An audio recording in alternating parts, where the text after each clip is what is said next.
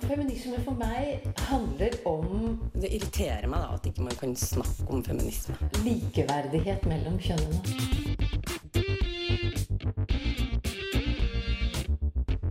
Det blikket på kvinnen på film. handlet det om å bli tatt på alvor som jente.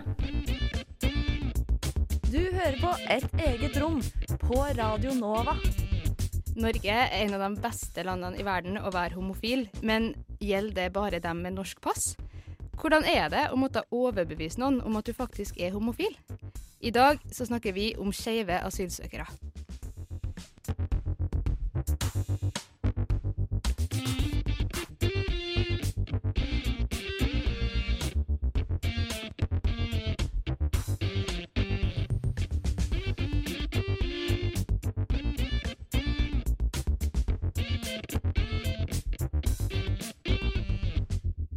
Ja, det er altså skeive asylsøkere som er tema i dag, og det er et eget rom.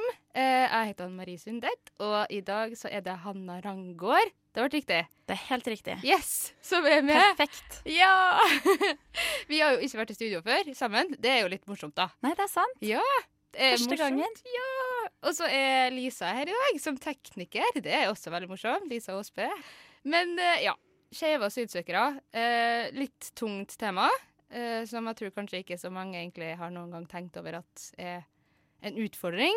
Men det har du, Hanna. Hvordan kom du borti det her? Ja, jeg, du, jeg tror det blir noen heftige svetteringer i dag, fordi dette er jeg både engasjert i, og det er veldig varmt i studio.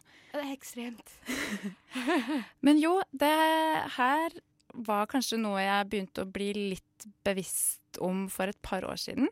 Jeg tror det starta med at jeg ramla borti en artikkel som Natt og Dag hadde skrevet om det å være skeiv og asylsøker, Mm. og at den prosessen i Norge kanskje ikke er helt så god som den burde være. Nei, sant. Um, så det skal vi prøve å høre litt mer om i dag. Det skal vi prøve å høre litt om i dag, hele prosessen. Men um, før vi går litt sånn dypere inn i det her, da, så må vi jo kanskje begynne litt lavere. Altså, asylsøkere søker jo om et fristed, skulle du si, om en plass de kan være hvor de ikke er i fare. Eh, er jo egentlig basically det som er det viktige her, da. Og i Norge i dag så er det vel sånn at du kan få innvilga asyl på bakgrunn av seksuell orientering, sant? Yes. Ja. Så da, det vi egentlig snakker om her, da, er mennesker som har søkt om å få opphold i Norge fordi det ikke er trygt for dem, rett og slett, å være eh, i sitt eget Eller i hjemlandet sitt. Ja. Mm. Litt greit å få, få det eh, Ja. Snakka litt om. Men altså, hvorfor er det her et så problem for skeive, egentlig? Det har jeg tenkt litt på. Eh, å altså den søke asyl. prosessen, da. Ja.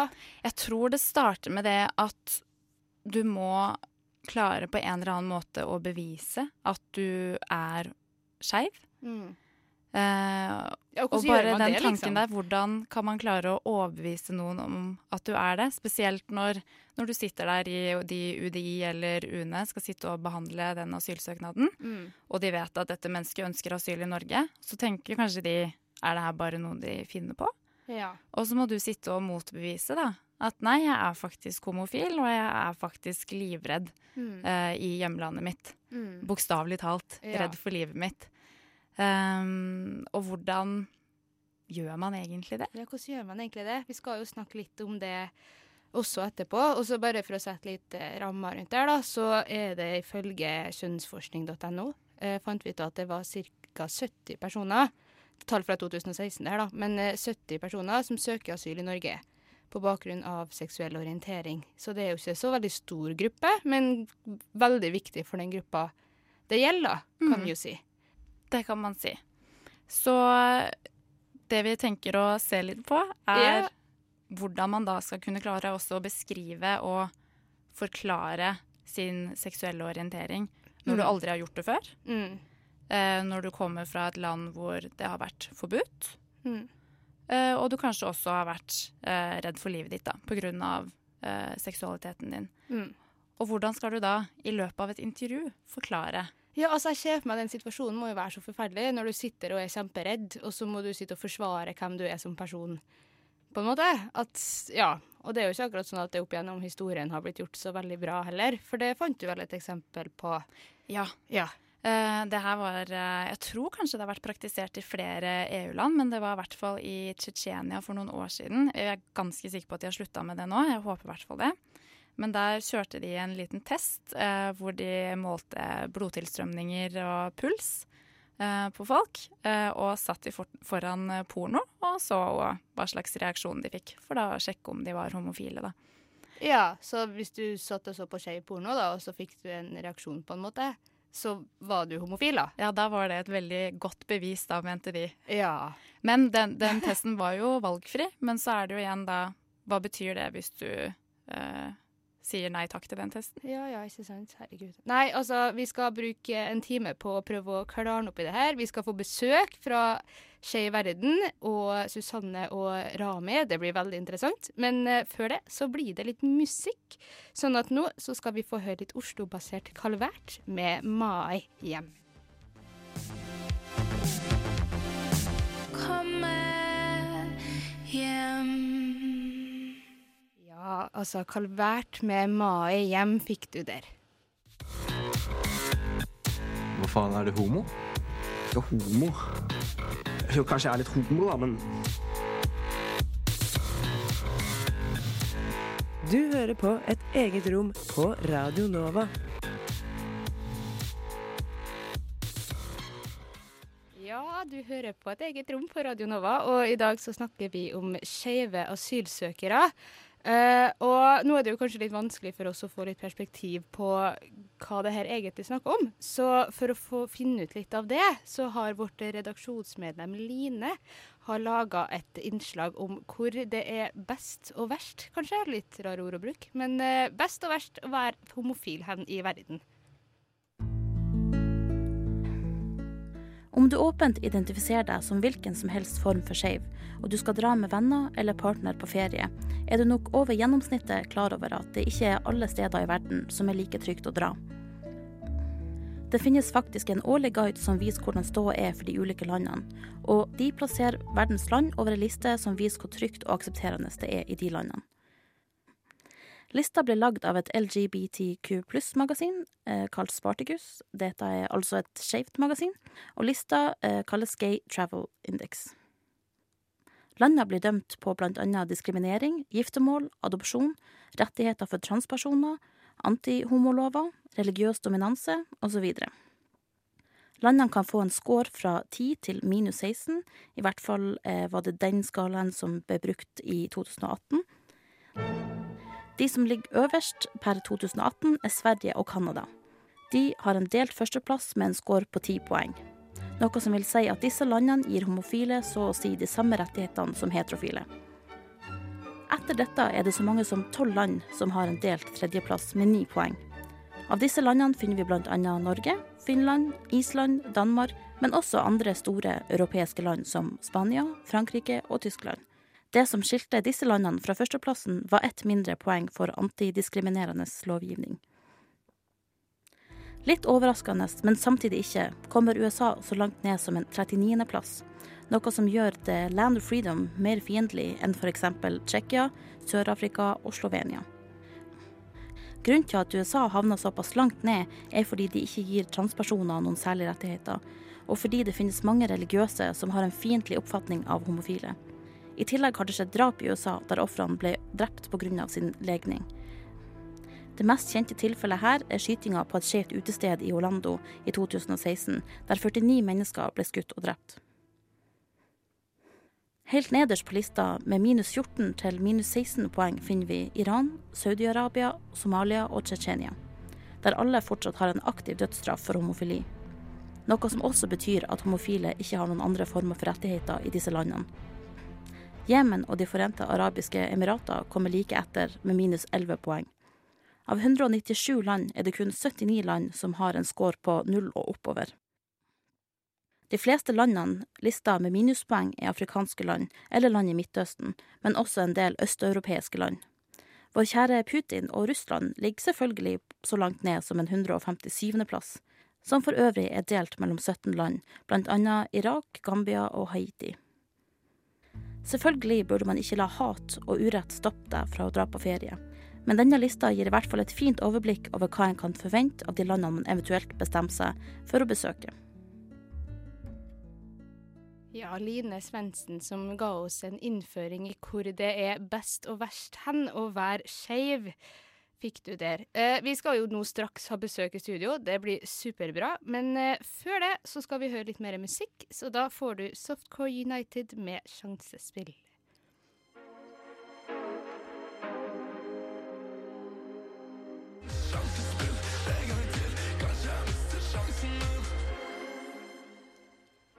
Ja, der fikk du altså Softcore United med sjansespill. Feminist, a person who believes in the social, political and economic equality of the sexes. Eget rom. Et eget rom. Et eget rom. Et eget rom. Et eget rom. Nå har jo vi fått storfint besøk i studio her. Vi har fått besøk av Susanne Demo Øvergård fra Skei verden og Remi Maron. Rami, beklager. Ja, Rami Varo, beklager den. Velkommen. Takk for at dere kunne komme. Takk for det. Takk for invitasjonen. Ja, Kanskje vi kan begynne med deg, Susanne. Kan du fortelle litt hva er Skje i verden? Hva jobber dere med? Ja, jeg kan jo prøve i hvert fall å gi et litt sånn inntrykk av hva vi holder på med. Ja. Uh, Skeiv verden vi er jo den nasjonale organisasjonen for lesbiske, homofile, bifile, transpersoner, interkjønn og queer-personer med innvandrerbakgrunn. Ja. Så egentlig det eneste som er kanskje felles med alt det arbeidet vi gjør, er jo at eh, det handler om å bedre levekårene for den målgruppen. Ja, ikke sant. Supert. Mm. Mm. Og Rami, du er også med i Skeiv verden. Ja, jeg er i styret i Skeiv verden. Mm. Mhm. Og du er også en av de da med innvandrerbakgrunn. Ja. Ja. eh, vi lurte på om du kanskje kunne starte med å fortelle litt kort om din historie. Veien fra Syria til okay. Norge. Norge. Eh, Jeg heter eh, Rami Maroun, mm, og jeg kommer fra Syria. Jeg er 35 år gammel.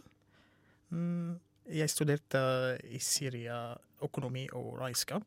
Mm, Jeg eh, jobbet jeg eh, eh, med regnskap, med regnskap eh, og som HR-manager. Og jobbet også med EKT-arbeider. Eh, Først eh, eh, var jeg i Syria, tenket jeg å reise til eh, Russland. eh, Fordi jeg, eh, jeg har eh, mor og kusine eh, som hjelpet meg og fikk eh, tillatelse å jobbe i Russland. Etter ni måneder eh, vi har eh, venn i Russland. Så, eh, han, han hørte om veien fra Murmansk, Murmansk til Kirkenes. Og vi prøvde den vei, og vi, det var lett å, bli, å være i Norge. Så da var du en av de som kom eh, til Storskog Ja. i 2015. 2015, det, det var i 9. juli 2015. Hvorfor reiste du til eh, Norge da? Uh, vi prøvde den veien vi, eh, fordi det var et uh, trygg vei. Mm, vi, og det var kort til oss fordi vi var i Russland. Mm, og vi jeg, jeg har lest om Norge. Det er åpen eh, land. De aksepterer alle mennesker. Og om demokrati her. Mm. Og det som var kanskje litt spesielt med akkurat den Med gruppen du kom med da, var jo Ja. at man plutselig risikerte å bli sendt tilbake til Russland på et tidspunkt, og så kunne man igjen risikere å bli sendt til Eh, Syria igjen. Mm. Eh, kan du gjenta? Jeg forstår ikke. Når du eh, kom eh, til Storskog, Ja. så var det veldig usikkert lenge om du kunne få bli i Eh, Norge. Nei, da, da jeg kom med to venner eh, Vi var bare første gruppe kom til Norge, kanskje en eh, andre gruppe. Eh, vi reiste til eh, Oslo. Vi fly til Oslo eh, i samme dagen. Vi bare, vi bare var tre, eh, tre personer i, i, i Kirkenes. Ok, ja. Ja, vi reiste Mm. til eh, eh, til Oslo, og jeg hadde intervju med politi. De forteller meg det er ingen problem med at jeg kom fra Russland. Jeg, Mhm. jeg var, eh, jeg var redd at jeg skal ikke tilbake til Russland. OK. Så, så du fikk beskjed fra politiet at det var ingen Eh, nei, på, eh, på intervju med politiet, jeg spurte dem eh, Jeg kom fra Russland, og jeg, jeg jobbet i Russland. Eh, Er det problem for meg? De forteller yeah. meg nei, Russland ikke i Schengen, ikke i Dublin-avtalen.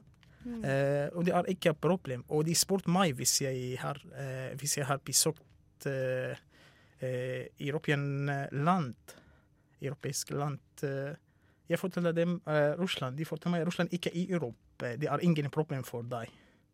Ja. Så lurer jeg også på på hvilket tidspunkt tenkte du at her er det greit å være åpent homofil?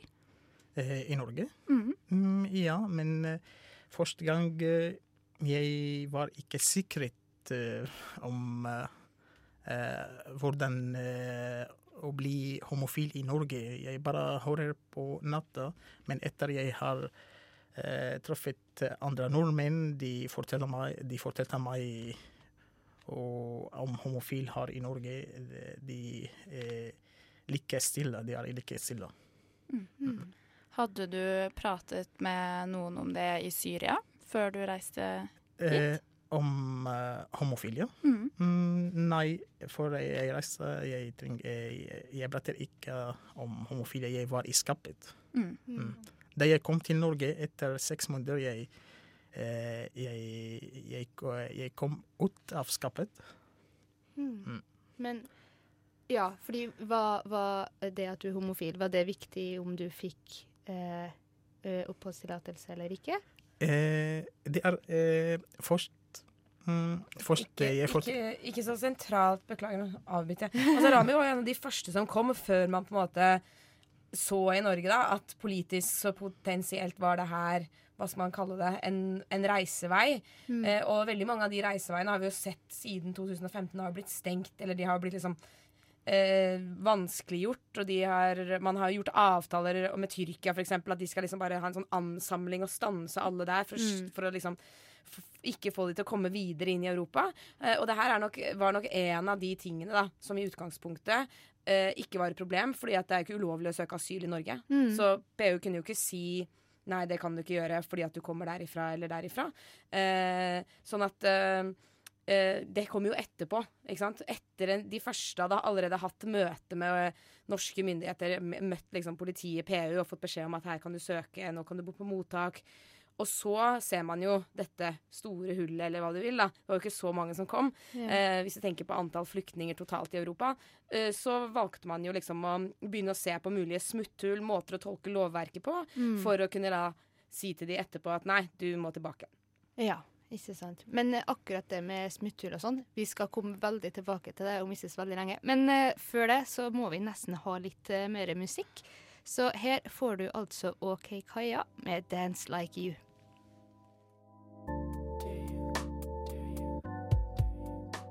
Ja, OK Kaja med 'Dance Like You' fikk du der, altså. Og vi har jo fortsatt storfint besøk i studio av uh, Skeiv verden, hovedsakelig. Begge har jo iallfall tilknytninger til det. Men eh, vi snakka jo litt før eh, sangen her nå om, eh, om eh, at du, eh, Rami, var snakka om søknadsprosessen din. Ja, hvordan var den? Mm, Ja, OK. Jeg skal fortelle dere om eh, første gang eh, jeg forteller ikke om eh, jeg er homofil. Da, da jeg var i politiintervju. Yeah. Og jeg ser OK, jeg er syrisk, og jeg kan få oppholdstillatelse. Det er ingen problem. Jeg trenger ikke å si jeg er homofil. Og jeg var i skapet. Men eh, på, med UDI-intervju mm, Jeg fortalte dem, men jeg var litt redd. Jeg fortalte dem jeg kunne ikke gifte meg med kona. Mm. Ja, og jeg fortalte dem jeg er homofil i slutten, men det, eh, da jeg var eh, i UDI-intervju, jeg var litt redd. Og i denne dagen mm, eh, mange mennesker kom til, til veien fra Murmansk til, Kirkenes. Mm. Det er jo sånn at når eh, mennesker søker asyl på bakgrunn av seksuell orientering i Norge, så vil først utlendingsmyndighetene eh, vurdere deres troverdighet. Eh, om de tror de er homofile eller ikke. Eh, og deretter eh, om de faktisk risikerer å bli forfulgt i landet. Så Susanne, eh, hvordan jeg vet ikke om du kan si litt om det. Hvordan gjennomfører egentlig utlendingsmyndighetene sånne troverdighetsvurderinger? Hvilke Ja. kriterier legger de til grunn? Ja, altså De har jo en, en mal som de arbeider etter, eh, og den er jo unndratt offentligheten. Og det er jo på en måte for helt naturlige årsaker at man ikke skal liksom få en slags oppskrift for hvordan man skal, skal på en måte nå gjennom som potensiell en skeiv as, eh, asylsøker, flyktning. Eh, men eh, det er jo klart at vi som jobber på feltet, eh, ser jo tydelig på en måte en struktur i i hva de er ute etter. Eh, I tillegg til at det er gjennomført eh, noe forskning og studier eh, basert på en gjennomgang av søknader og sånn. Eh, og i stor grad så ser de jo etter en person som snakker veldig sånn romantisert om følelser. Eh, Knytta til det og hvordan det er å være skeiv.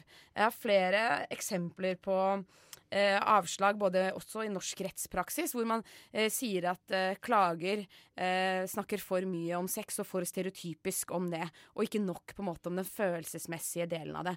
Så noe av det som eh, eksempel den doktorgradsavhandlingen til Denise Akim på NTNU har, jo, har sett på, har jo vært den eh, vestlige forståelsen, om du vil, av den manglende kulturkompetansen, kanskje ville noen si, eh, på hvordan er det man snakker om ting. Altså Noen mennesker snakker jo om livet sitt gjennom hendelser, gjennom beskrivelser av hva du gjør, og ikke gjennom følelser, identitet og sånn. Det er jo forskjellige måter å gjengi og fortelle hvem er det jeg er.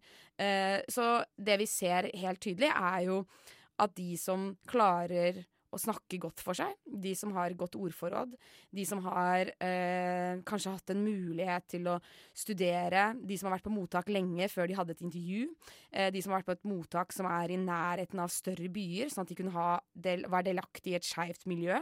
Eh, de som kanskje kunne engelsk, sånn at de kunne kommunisere med andre skeive i Norge i det hele tatt.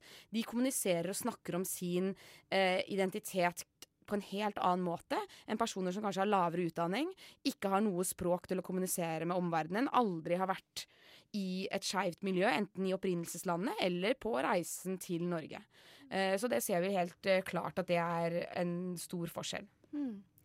Men hvordan kan man egentlig finne ut av om noen er homofil på et intervju? Det lurer jeg litt på, da. Ja, det lurer jeg på også ofte. Eh, men det jeg ser, er jo at man har et ønske, eller man mener at man skal snakke om det følelsesmessige. Man mener at man skal snakke om at man har en skam knytta til det. Uh, og at man føler et eller annet sånn her ubehag ved det, og den oppdagelses- og erkjennelsesprosessen skal være på en sånn vond måte. Og det er liksom en veldig stereotypisk måte å tenke at alle skeive som potensielt kommer fra land uh, hvor man da tenker at det bør være rammene for at det er fryktelig å være skeiv der, skal snakke på samme måte. Så hvis det er noe som er stereotypisk, så vil det jo være å tro at alle skal gjengi det på en lik måte. Uh, men i stor grad så er det jo det de ser etter. Du skal føle litt skam knytta til det. Det skal være noe som er vanskelig for deg å snakke om. Hvis ikke så kanskje det blir sett på som at det her er noe som er innøvd. Ikke sant? Det her er noe du har øvd mye på å si, for jeg snakker det så veldig lett om. Det kan umulig være så lett for deg å snakke om dette. Ikke sant? Uh, sånn at det er flere sånne ting som, som vi ser uh, klart, klar tendens i i de vedtakene som fattes. Mm, men ja, altså, da har jeg nesten litt å ut, utfordre litt. Fordi jeg tenker eh, i en asylprosess så er det jo sånn at eh, noen får nei. Og det kan jo hende at det er riktig også at ikke alle får tillatelse og sånne ting. Ikke bare skeive, men sånn generelt når det er en asylprosess. Så da tenker jeg det må jo være et eller annet som myndighetene kan gå etter da, når de skal avgjøre om man får oppholdstillatelse eller ikke. Så jeg er veldig enig i det at man kan jo ikke teste om noen er homofil, på en måte. Men likevel, det må jo være en eller annen måte å finne ut om folk skal få tillatelse på, da. Ja, altså jeg tenker jo at En av måtene kan jo være å faktisk møte mennesker. da Ja. Altså Det fattes jo vedtak uten at man har møtt mennesker. Ja. Eh, nå hører vi jo Rami sier jo hvor vanskelig det var for han Mm. å tenke at det her kunne være et sted hvor han kunne snakke om at han var homofil.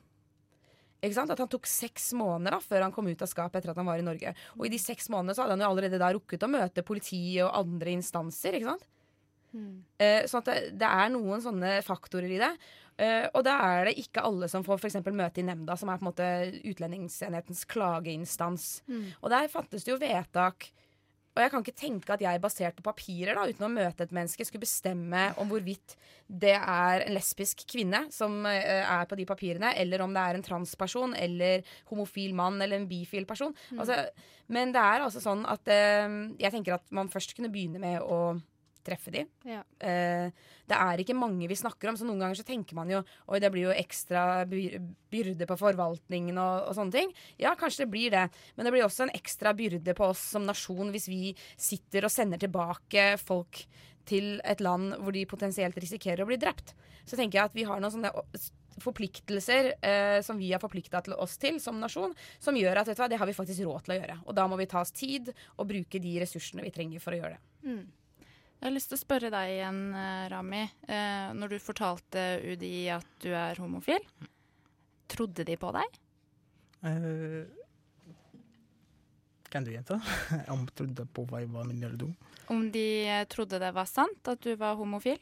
Mm, eh, de, jeg tror at de fokuserer ikke om det, fordi de fokuserer om søknad. Jeg søknad jeg, jeg reiste fra Syria. Jeg går ut fra Syria fordi eh, jeg var uenig med Assad-regimet. Og, og jeg og for, Om eh, krigen. De spurte meg om den eh, om den, eh, eh, om den eh, situasjonen. De, fort, de spurte meg hvor og, og da jeg var i Syria, jeg fortalte dem de arrestet meg i fengsel fordi jeg var, jeg var uenig med eh, Assad-regimet. De, de spurte ingenting om homofil, bare de forteller meg jeg kan fortelle noen i mottak. Jeg trenger ikke å fortelle alle mennesker jeg er homofil. Ja, eh, men eh, når jeg hadde avslag, eh, jeg husker det, de, sp de, de, det står jeg, jeg ser ingenting om homofil. Og hvis jeg er homofil, jeg kan bo, eh, jeg kan bo i Russland eh, i trygg. De, det står det i, i avslagen min, det første avslag. At det var trygt å leve som homofil i Russland? Ja, de ser det Ja. Men det Ja. mener jo norske myndigheter. Altså det er jo kanskje Ja. en debatt i seg selv, men, eh, men det, det mener jo utlendingsmyndighetene også for personer som søker, av, altså søker asyl fra Russland, får avslag og beskjed om at det er trygt. Og vi har jo returnert flere til Russland Ja. som har blitt utsatt for store overgrep etter at de ble returnert dit. Ja, Ja. ikke sant. Ja, eh, nå må vi bare få påpeke at UDI er her jo ikke, så de får jo ikke svart. Eh, men de kunne ikke stille på intervju med oss i dag, eh, så da får vi nesten bare ta den ene sida som vi har her, og glad er vi for det. Eh, dere skal også være med enda litt lenger, og det er superbra. Men før det så må, skal vi høre enda litt mer musikk. Fordi den norske duoen Sø har fått med seg Giller, og de har laga sangen 'Rubens sang', så den får du her. Ja, Sø og Giller med Rubens sang fikk du der. Nå er det selfietaking i studio og greier. Veldig koselig. Nesten sånn reminder til oss da, at vi kanskje skal ta et bilde, vi òg. Det må vi gjøre. Ja, det må vi faktisk få gjort. Men eh, ja, vi snakka jo om eh, troverdighet og sånn. Og eh, i pausen her nå så nevnte du sånn at vi har jo ikke nevnt noen tall. Men det tippa da at du kanskje har med, i og med at du tok det opp. Det har jeg. Eh, de tallene som Det er jo statistikk ført av UDI. Mm. Og nå har vi jo hørt fra Rami her at det er jo ikke alle som forteller alt, eller Mm. som liksom deler den delen i første instans. Så de tallene som på en måte eksisterer og opererer med i Norge når det gjelder antall som søker på det grunnlaget her, så er det da de personene som eh, i møte med UDI eh, eh, sier at jeg søker, eller det her er en del av min identitet, og en del av den årsaken til at jeg er her. Mm. Eh, og i, nå har ikke jeg tallene for 2017, men eh, tallene for 2016, det var jo 31. Eh, og det toppåret hvor vi ble invadert fra Storskog, så var jo tallet 68. Ja. Sånn at det er jo Vi snakker sånn cirka toppåret, da. eh, Ja. 2014, da var det 74. Eh, og av de, i, av de 74 i 2014, så var det 27 som fikk opphold av UDI. Cirka halvparten igjen fikk da eh, omgjort sitt avslag i ankeinstansen av UDI. Ja, så altså de anka, UNE. ja, også ja, ja. Cirka halvparten. Mm. Eh, og i 2015 så var det jo 68, og da var det 23 som fikk opphold av de 68. Yeah. Og i 2016 så var det da 18. Som fikk opphold? Ja. Og de tallene tror jeg er sånn til og med november-desember 2016. de tallene. Så bare sånn at vi har liksom en sånn cirka, så opererer vi da med en sånn rundt et eller annet sted da, rundt kanskje en sånn ja, 30-70 hvis du ser på de siste årene, da. Ja, Ja. Så det er ikke så mange. Nei. Og det er ikke så rart heller, for at, så, som også Rami sier, så er det jo mange som f.eks. hvis du kommer fra et sted hvor det er krig, det er jo ingen som skal returnere noen til Syria. Så du trenger jo i utgangspunktet ikke fortelle om den delen, og Nei. ha et papir resten av livet ditt. Kanskje som du skammer deg litt over, kanskje som du ikke syns er komfortabel. Kanskje det ikke var derfor du dro. Ikke sant? Det kan jo faktisk være at du også er skeiv. Du er homofil og reiser fordi at uh, du i tillegg er kristen og du bor i et muslimsk land. Eller at du også flykter fordi at det er krig. Mm. Uh, så det er ikke alle som oppgir det, men det gir oss en sånn indikasjon, i hvert fall. En pekepinn. Har dere også noen tall på hvor mange av de asyl asylsøkerne dere kommer i kontakt med i Skeiv verden? Det er liksom vanskelig for oss å telle, for vi spør jo aldri hvor i prosessen de er. Mm. Men vi har jo hatt en avtale med UDI siden 2014 om at de gir kontaktinformasjon til oss. eh, På, som alle de som søker, da, får tilbud om, fra UDI om at de kan ta kontakt med oss. Og det, eh, Vi sitter i hvert fall med det inntrykket og tallene vi sitter med, at de fleste gjør det. Sånn Rundt 70-80% av de gjør det. Så det vil jo si at vi møter en sånn ja, eh, For å si en sånn 40-50 mennesker, da, kanskje. Et eller annet sånt sted der. Ja. Mm.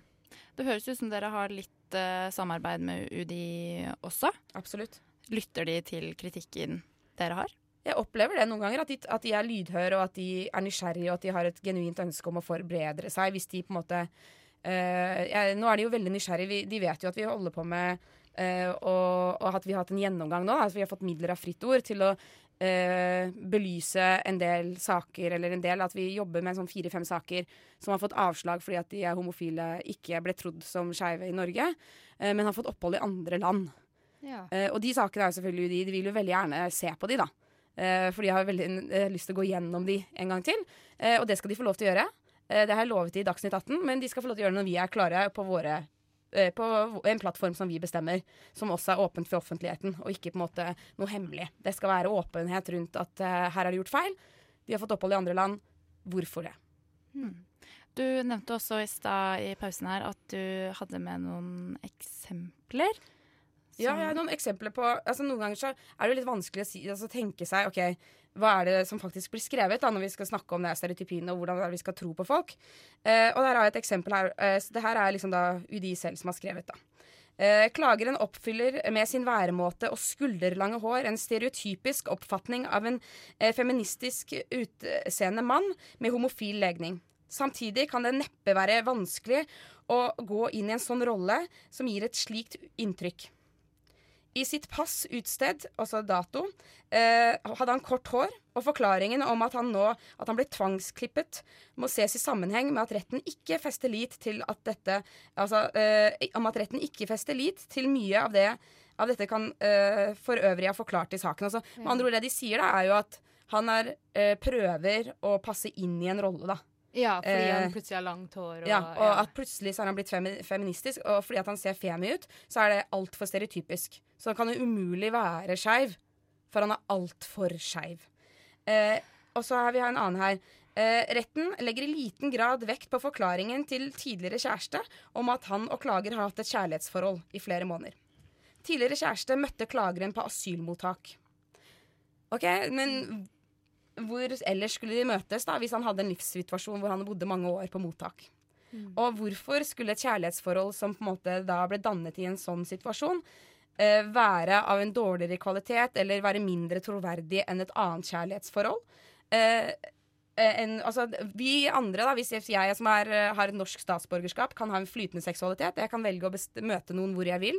Uten at noen gang skal noen skal betvile min lesbiskhet ut ifra at ja, men jeg møtte henne der, og ikke på riktig sted. Så det er noen sånne ting eh, som kommer igjen. Eh, en siste som jeg har lyst til å nevne, som jeg tenker er en, sånn, en av de største utfordringene, eh, er klageren kom i kontakt med Skeiv Verden og kjæresten gjennom møteplassen Skeiv kafé, som er et møtetilbud som vi har eh, i Skeiv Verden. Kjæresten er overbevist om at klagere er homofil. Selv om det er ingen grunn til å tvile på dette, er hans oppriktige mening, må en slik eh, uttalelse ses i et kritisk lys på samme måte som uttalelser fra prester og andre ledere i konvertittsaker. Som andre ord så sammenligner man her da skeive og de, eh, de man kommer i kontakt med, at de har liksom da blitt møtt noen som har gjort de sånn, eller de har Ja, sånn at det liksom noen har konvertert dem over til Ja. Vi har drevet med rekruttering. Ja. Nå sitter altså jeg og Anne Marie her med de mest sjokkerte Ja, er ansiktene fantastisk. noensinne. Det var heftig lesing. Så noen av disse formuleringene som vi reagerer på, ikke sant? Mm. de må gjerne ha en grundig prosess. De må gjerne si at vi tror ikke på deg. Men når vi tror ikke på deg basert på sånne argumenter, så syns jeg det blir litt tynt. Mm. Eh, og det er jo klart, det her er rettspraksis i Norge. Det her er fra dommer i tingretten. Ja. Ikke sant? Hvor, eh, personer har måttet saksøke staten for å prøve å bevise sin skeivhet. Mm. Fordi at det har ikke blitt trodd. Nei, det er rimelig heftig. Det er rimelig heftig. Jeg er glad jeg slipper det, å måtte gå i retten eller liksom møte noen og sitte foran et panel og liksom skulle bevise at jeg er den jeg er. Ja, altså jeg tenker jeg prøver bare å sette meg inn i det sjøl, da. Og for eksempel sånn, ja, nå skal jeg bevise at jeg liker å ha håret mitt i hestehale, liksom. Altså, det blir sånn rare ting, da. At bevise noe som er en identitet, gir jo ikke mening. Det er jo ingen som kan fortelle meg hvem jeg er, liksom. Men det virker jo litt som det er det man prøver å gjøre uansett, da. Det er jo klart De må jo ta noen sånne Det, jo, det sier jo litt om hvor vanskelig hele denne vurderingen er. da eh, Som vi sitter og snakker om her. Mm. Om hvor vanskelig det er å skulle liksom finne noen ting å holde på. Men noen ganger så virker det som at de liksom er så ute etter å ha bestemt seg for at det her kan umulig være en. Sånn at de bare griper nesten nærmest etter halmstrå. Da, og, og liksom Ja, se på det bildet der. Nå hadde han langt hår. Nå hadde han kort hår. Altså, det hadde jeg en gang også. Nå er jeg skinna, og så hadde jeg langt hår når jeg studerte. Altså, har det noe å si? Betyr det noe? Altså, ja. Altså, Ja. Det er noen sånne ting som Jeg skulle ønske de heller da hadde snakket om refleksjonsnivå, altså andre ting som de hadde som holdepunkter. da. Mm, ikke sant. Men eh, skal vi kanskje prøve å ende på en litt sånn gladnote, da? Eh, er det mulig? ja, vi kan jo prøve iallfall, da. Vi kan jo prøve å snakke litt om hvordan vi kan få til endring, da. Ja, Nå har vi nevnt litt det her med at jeg mener at man må møte de. Mm. Så jeg tenker at det er, er jo tror jeg, eh, for å si altså, Alle som jobber på det feltet her, enten det er på en måte LHBT og asyl eller asylfeltet generelt, mener jo at man i større grad må bruke nemnda, og at man skal ha mulighet til å møte, og ha Mm. personlig møte i nemnda. Eh, så jeg tenker at det er viktig. Og så er det viktig at eh, UDI eh, og instansene hører på oss som jobber på grasrota. og At de, vi kan også spille ball med de, at de kanskje er i større grad proaktive og inviterer oss inn til å dele vår kompetanse. Mm. Eh, og så er det også viktig at eh, de jobber enda hardere for å få riktig landinformasjon. Det har vi ikke snakket så mye om, men det er jo en av de tingene som de bruker litt som en slags Wikipedia for å De har jo en egen instans i Norge som heter Landinfo, som er de man går til for å verifisere det asylsøkere sier. Mm. Og så inviterer de inn av landeksperter fra forskjellige land. Mange land eh, og landeksperter som Norge har, de sier ikke noe om LHBT i det hele tatt. Mm. Nei, sant. Nei, det tror jeg faktisk er alt vi rekker, folkens. Men det har vært supert å ha dere på besøk. Jeg har lært masse. Eh, tusen takk til Sanne og, og Rami. Vi skal høre litt musikk, og så skal vi prøve å samle tankene våre litt. Eh, her får du altså Ember Clouds med 'Perhaps Tomorrow'.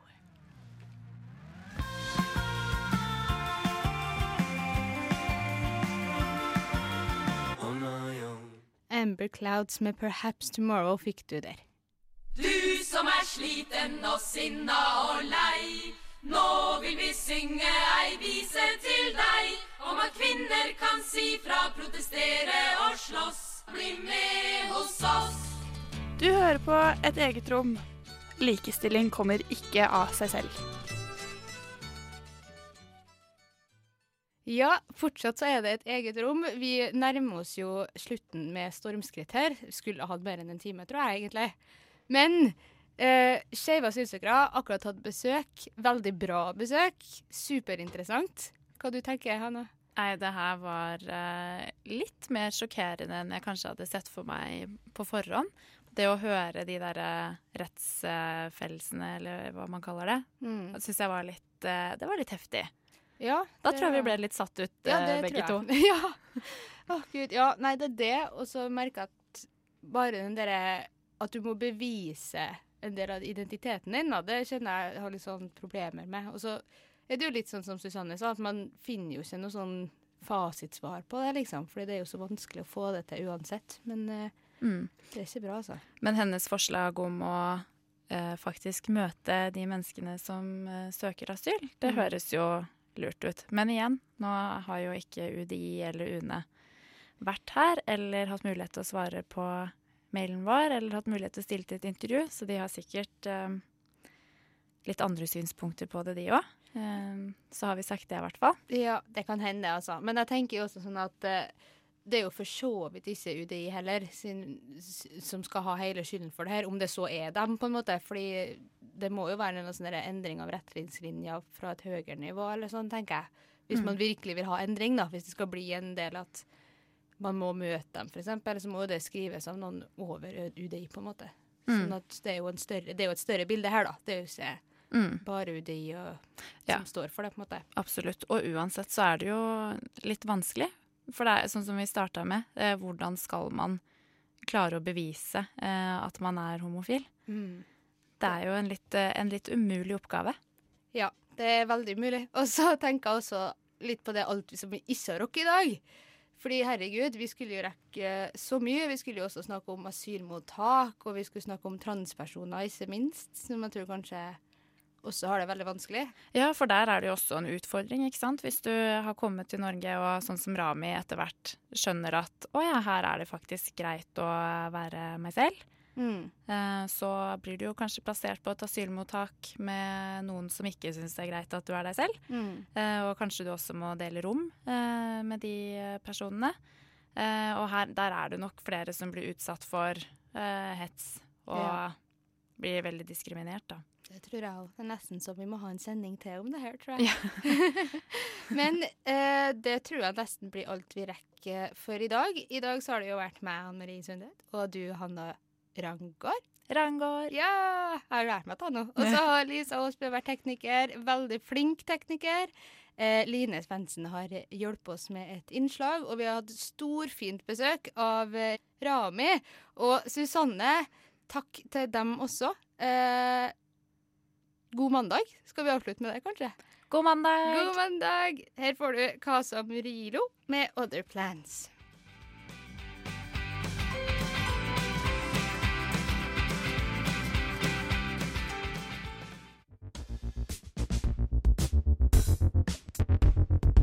Du har hørt en podkast fra et eget rom på Radio Nova. Vil du høre mer? Sjekk ut Et eget rom på Facebook, Instagram eller radionova.no.